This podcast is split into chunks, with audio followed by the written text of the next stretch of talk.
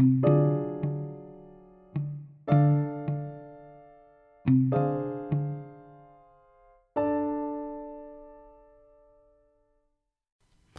tulemast kuulama kõige esimest podcasti, kõige esimesi mõtteid, esimest salvestust. minu nimi on Elari Tamm ja selle podcasti nimi on Otsingul. mille otsingul ma siis olen, mille otsingul me siis oleme? kõik inimesed otsivad midagi, aga arusaadavalt on teatud asjad meile ilmselged ja mõned asjad on peidus. minu esimene podcast millest ma tegelikult tahan arutleda siin mikrofoni ees ja loodetavasti teemadel ja teemal, mis sind ka puudutab. sina, kes sa oled samuti otsingul, otsid tõde, otsid äh, rahu, otsid mõtet elule, otsid lahendusi lihtsalt probleemidele. ma võin juba etteruttavalt ütelda, et äh, see podcast kindlasti saab olema suures osas üldistav aga ma tahan keskenduda sellele, mis maailmas päriselt toimib ja toimub. sellepärast, et seda nii pseudoteadust kui teadust ennast ülistatakse ilmselgelt äh, üle, teatud asju alahinnatakse, teatud asju vähehinnatakse ja ma baseerun judeokristlikul maailmavaatel ja see on see, millest lähtub ka selle podcasti sisu või see, kes mina olen. ja täna esimene podcast tegelikult keskendubki siis maailmavaatele. ja mis see maailmavaade on ja kuidas see, kuidas ja, ja mis puudutab siis seda, selle podcasti intriigi, selle esimest intriigi minu enda jaoks on see, et kuidas saab olla nii, et maailmavaade on peidus kõigepealt tuleb öelda seda, et maailmavaade on midagi, mida me kanname kõik endaga kaasas see ei ole midagi sellist, mida sa saad koju jätta ja siis äh, laenata kellegi teise oma ja siis esindada seda. üldjuhul on nii, et maailmavaade on meiega alati kaasas ja me äh, mõtleme ja lähtume sellest oma maailmavaatest.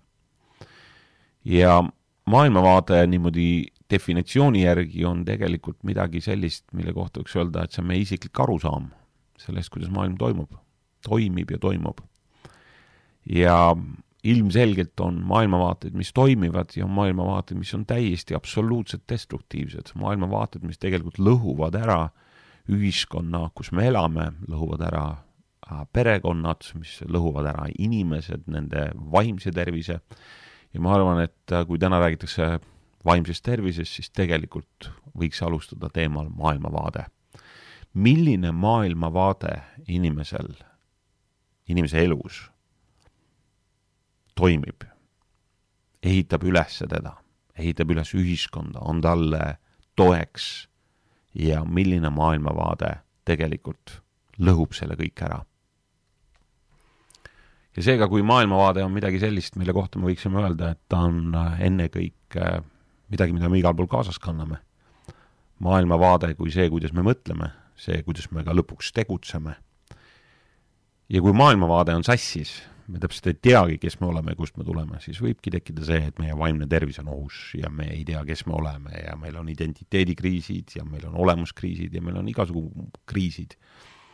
Ja me oleme ohustatud väga paljudest erinevatest asjadest. seisame silmitsi paljude erinevate väljakutsete ja probleemidega, mis võivad lõpuks ohustada meie jätkusuutlikku tegutsemist inimesena aga maailmavaade on oma olemuselt siis midagi sellist, mis puudutab siis sinu filosoofilisi arusaami. miks, sa küsid, miks, poliitilisi, religioosseid, kultuurilisi ja need siis mõjutavad uuesti meie käitumisi. ja ma arvan, palju olulisem sellest teoreetilisest aspektist on olulisem küsida see, et aga mis meid siis täna ikkagi mõjutab. ja ma arvan, et äh, see, mis puudutab täna lääne ühiskonna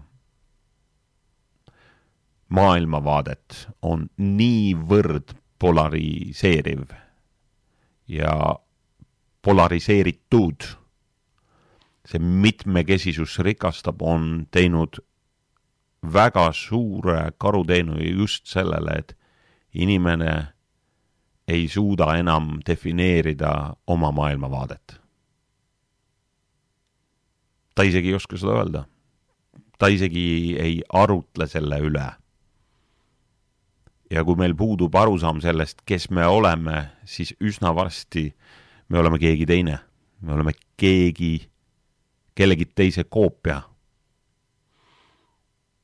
ja see võib tekitada omakorda väga suure, mitte ainult kriisi individuaalselt, vaid kriisi ühiskonnas ja selles kriisi ühiskonnas me tegelikult elamegi praegu. sa võid küsida, kuidas või miks see, milles see väljendub. see väljendub just selles samas, millest kõik räägivad, vaimse tervise probleemis. Eestis ei ole, USA-s on koolitulistamised, aga Eestis on enesetapud mitte nii süngelt jätkates äh, ma arvan, et olulisem sellest, et me ei tea, ei oska seda nimetada, mis see ühiskond täpselt on, ma nimetan ära sellele, millel lääne ühiskond on rajatud. Lääne ühiskond on rajatud tegelikult judeokristlikule maailmavaatele. Ja judeokristlik maailmavaade on sisuliselt judaismi ja kristluse õpetus. ja siin pole mitte kedagi, ma usun, kes tahaks vastu vaielda või oskaks vastu vaielda sellele, et kristlik maailm ja judaistlik maailm on need, mis on läänemaailma kõige enim mõjutanud. ja mis on siis judaismi ja kristluse õpetuse kese, see esiteks algab sealt, et ta ütleb, et Jumal on olemas. Lääne ühiskond on teaduspõhine, ta ütleb, et kui me ei tea, et Jumal on olemas, siis teda pole olemas, kui me ei tea, et ta on olemas aga judeokristlik maailmavaade põhineb esiteks sellele, et Jumal on olemas ja tema, tema seotust inimkonnaga tähtsustab. moraalsed väärtused, inimeste vastutus oma tegude eest, need on kõik judeokristliku maailmavaate printsiibid. Ja judeokristlik maailmavaade hõlmab uskumusi, et Jumal on loonud maailma esiteks ja inimesed, ja inimesed on teinud pattu, inimesed on hakanud Jumala vastu võitlema ja see lähtub sellest, et judeokristlik maailmavaade ütleb, et inimesel on vaba tahe, ta võib valida, mida ta tahab, ta võib valida kurja, ta võib valida hea. ja see, miks Jumal selle on inimesele andnud, on sellepärast, et ta armastab inimest, sest kui sul ei ole vaba tahet, siis pole ka armastust.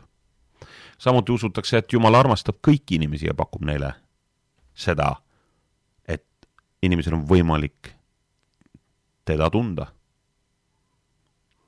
ja võikski öelda, et judeokristlik maailmavaade on oluline väga paljude inimeste jaoks. täna on maailmas üle kahe miljardi kristlase. nüüd, ma ütlesin, lääne ühiskonna aluseks võib tegelikult pidadagi juudi, judeokristlikku maailmavaadet ja seda peetaksegi, lääne kultuur on väga tugevalt põimunud läbi judaismi ja kristluse. vaadake meie kunsti, vaadake meie muusikat, vaadake meie õigussüsteemi, meie haridust. see on kõik kujundanud selle väärtuse. ja tegelikult ka selle rikkuse, jõukuse on kristlik, judeokristlik maailmavaade põhjustanud. ja miks? väga lihtsal põhjusel sinu ülesanne on teenida teisi inimesi, aidata teisi inimesi, olla neile toeks ja see on just lääne kultuurile midagi omast. me loome jõukust läbi ettevõtluse. ja see on just judeokristlik maailmavaade selle aluseks. nii et kui lääne kultuurile on omane individuaalsus, isiklik vabadus, demokraatia, õigusriik, siis need on kõik kristliku maailmavaatest lähtunud Need on kõik piiblist lähtunud, Vanast Testamendist ja Uuest. ja see rõhutab tegelikult inimväärikust, inimene on oluline. inimese vastutus oma tegude eest, järgida mingit moraalset raamistikku, mille järgi inimene peab elama. Ja põhjus, miks ta peab elama, on see, et säiliks õigusriik, säiliks institutsioon, sotsiaalne käitumine, et kui sa lähed tänavale, siis tänav on puhas prügist, selleks on vaja mingeid raame. ja lisaks on judeokristlik maailmavaade kujundanud lääne kultuuris just seda moraalset arusaama sellest õigest ja valest, halvast ja heast, ähm, mis on just nagu paljudes valdkondades, näiteks kunstis hästi nagu esile tulemas, tulnud ja kirjanduses ja filmides. ja rääkimata sellest, et judeokristlikud motiivid ja sümbolid on läbivad äh, enamus lääne kultuuri klassikalistes teostes ja me näeme selle mõju tänapäeva kultuuris. tõsi, seda rääkides annan ma täiesti aru, et äh, selle, see, see kultuuriline polariseerimine on nii suur, et need on just need asjad, millest püütakse vabaneda. et on individuaalne tõde, on individuaalne õigus, on individuaalne just nimelt õigus, aga mitte individuaalne vastutus ehk siis see, mis suures osas praegu ühiskonnas toimub, on just nagu lahtirebimise soov juudeokristlikust maailmast. Nendest, mida me nimetame siis nagu aegunud, see on siis pigem progressiivsete inimeste arusaam sellest, et meil on areng, inimene läheb järjest paremaks, näiteks üks progressiivse maailmavaate niisuguseid põhilisi äh, ütleme, mõtteviise on see, et kuidas see on võimalik kahekümne esimesel sajandil.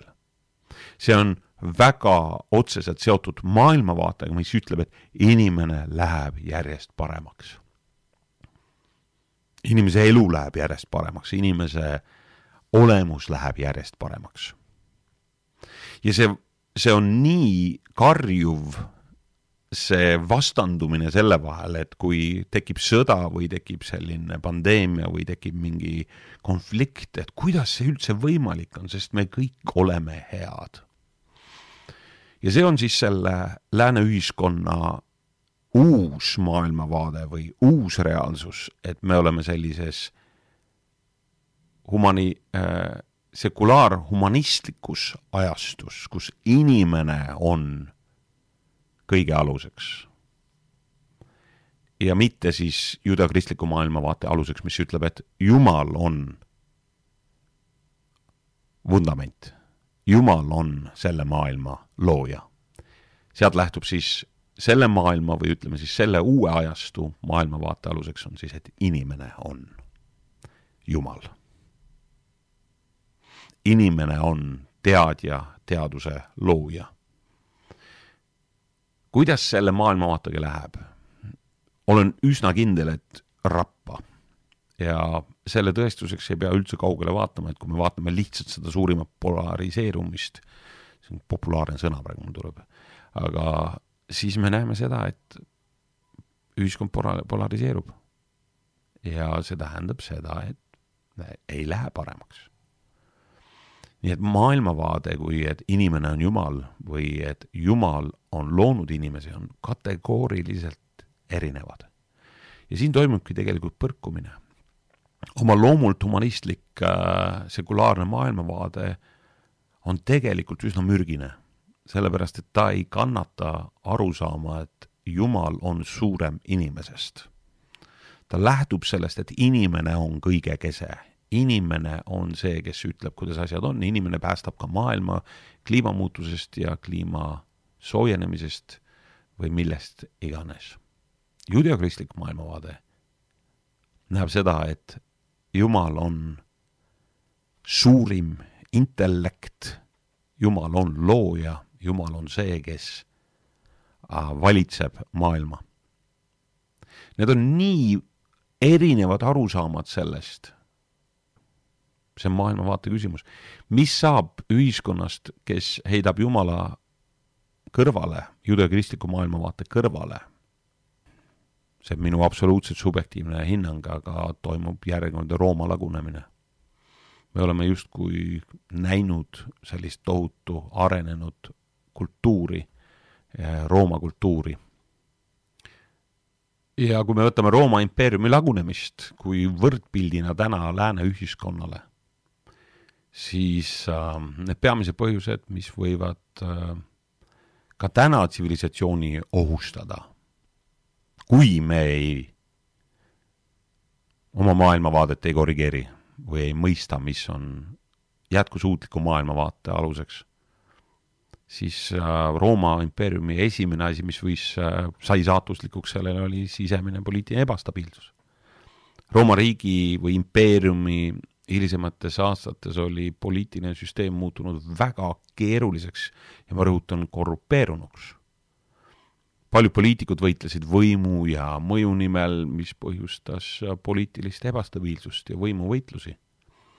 teiseks majanduslikud probleemid, Rooma impeeriumi majandus oli raske ja absoluutselt ebaefektiivne ja sõjalised vallutused ja suured ehitusprojektid nõudsid tohutut ressursse, samal ajal kui valitsuse rahastus- ja maksusüsteemid olid sega, sageli segased ja ebaõiglased. Kolmandaks võiks öelda, et välised sissetungijad Rooma impeeriumi lõppu võimendasid barbarite rünnakud, mis olid muutnud järjest sagedasemaks ja intensiivsemaks. ja need sissetungid muutsid Rooma armee nõrgaks ja võimetuna ennast siis välise vaenlase eest kaitsta. ja võib-olla viimaseks võiks öelda just see kultuuriline ja sotsiaalne allakäik. ma nimetaks ka moraalne allakäik.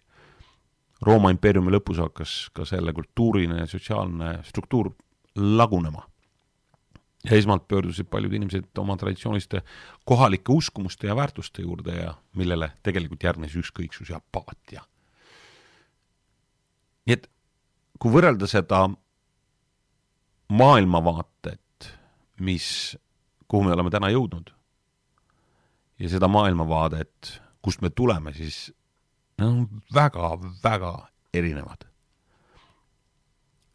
kokkuvõtlikult võiks öelda nii, et kui judeokristlik maailmavaade ütleb, et inimesel on õigused ja vastutused, siis tänane lääne maailmavaade ütleb, et inimesel on ainult õigused. pange see oma kodu konteksti. kuidas meie kodud meie pered saavad eksisteerida, kui seal on ainult õigused.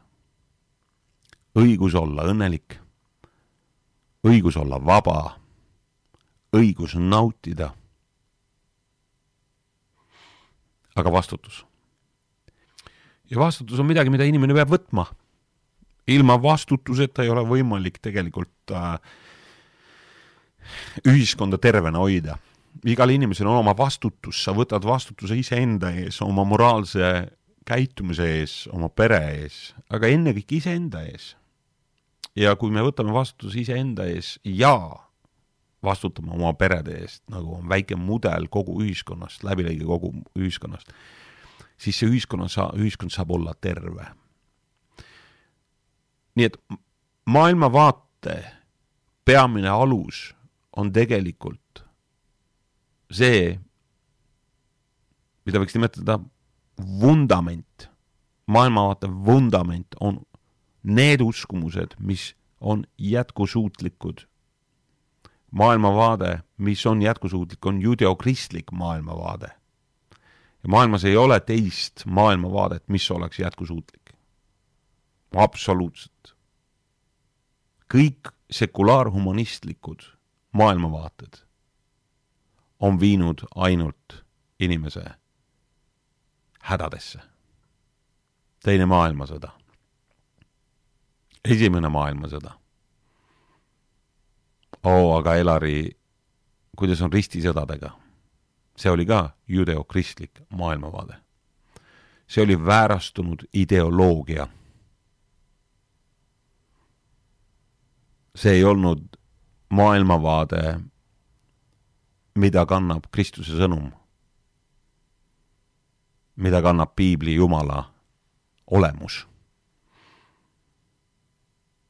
Ja inimesed, kes nimetavad ennast kristlasteks, inimesed, kes nimetavad ennast mingi maailmavaatega, ei tähenda automaatselt seda, et see on nende maailmavaade kristlastel on kristlik maailmavaade, islamiusulistel nende, agnostikutel nende, ateistidel nende. ja tegelikult sa ei saa väga kaua hoida seda maailmavaadet purgis, sellepärast et inimest tuntakse tema viljadest. Ja maailmavaadet tuntakse ka tema viljadest, sest ta on läbilõige ühiskonna inimestest, kes seda teevad või usuvad. nii et maailmavaade teadasaamiseks ei pea küsima tingimata inimeselt, mida ta usub, vaid nägema tema tegusid. ja inimese teod räägivad alati tema sõnadest kõvemini. äraandja istub tavaliselt lauas ja nii kaua jagab ta kõike ühist, kuni ta enam ei jaga. Nii head kuulajad, hea otsija või otsingul olija ma tahaksin nimetada rõõmsaks, positiivseks, optimistlikuks inimeseks, kes sa oled otsingul ja otsid seda, mis on õige, mis on hea ja mis on tõde. ja just selles podcastis ma neid asju esile toongi, mis on head, mis on õiged ja mis on positiivsed asjad ja mis on kõige olulisem, mis on tõde. Suur tänu kõigile kuulamast äh, ma tänan kõiki, kes te jagate seda podcast'i nende inimestega, kellele oleks see oluline, kelle jaoks need asjad resoneeruvad, kes ütlevad jaa, ja niikuinii need, kes on negatiivid, need, kes ütlevad, et see on jama, nendele ma seda siis sellisel juhul ei soovita. aga järgmiste podcast ideni, järgmise teemani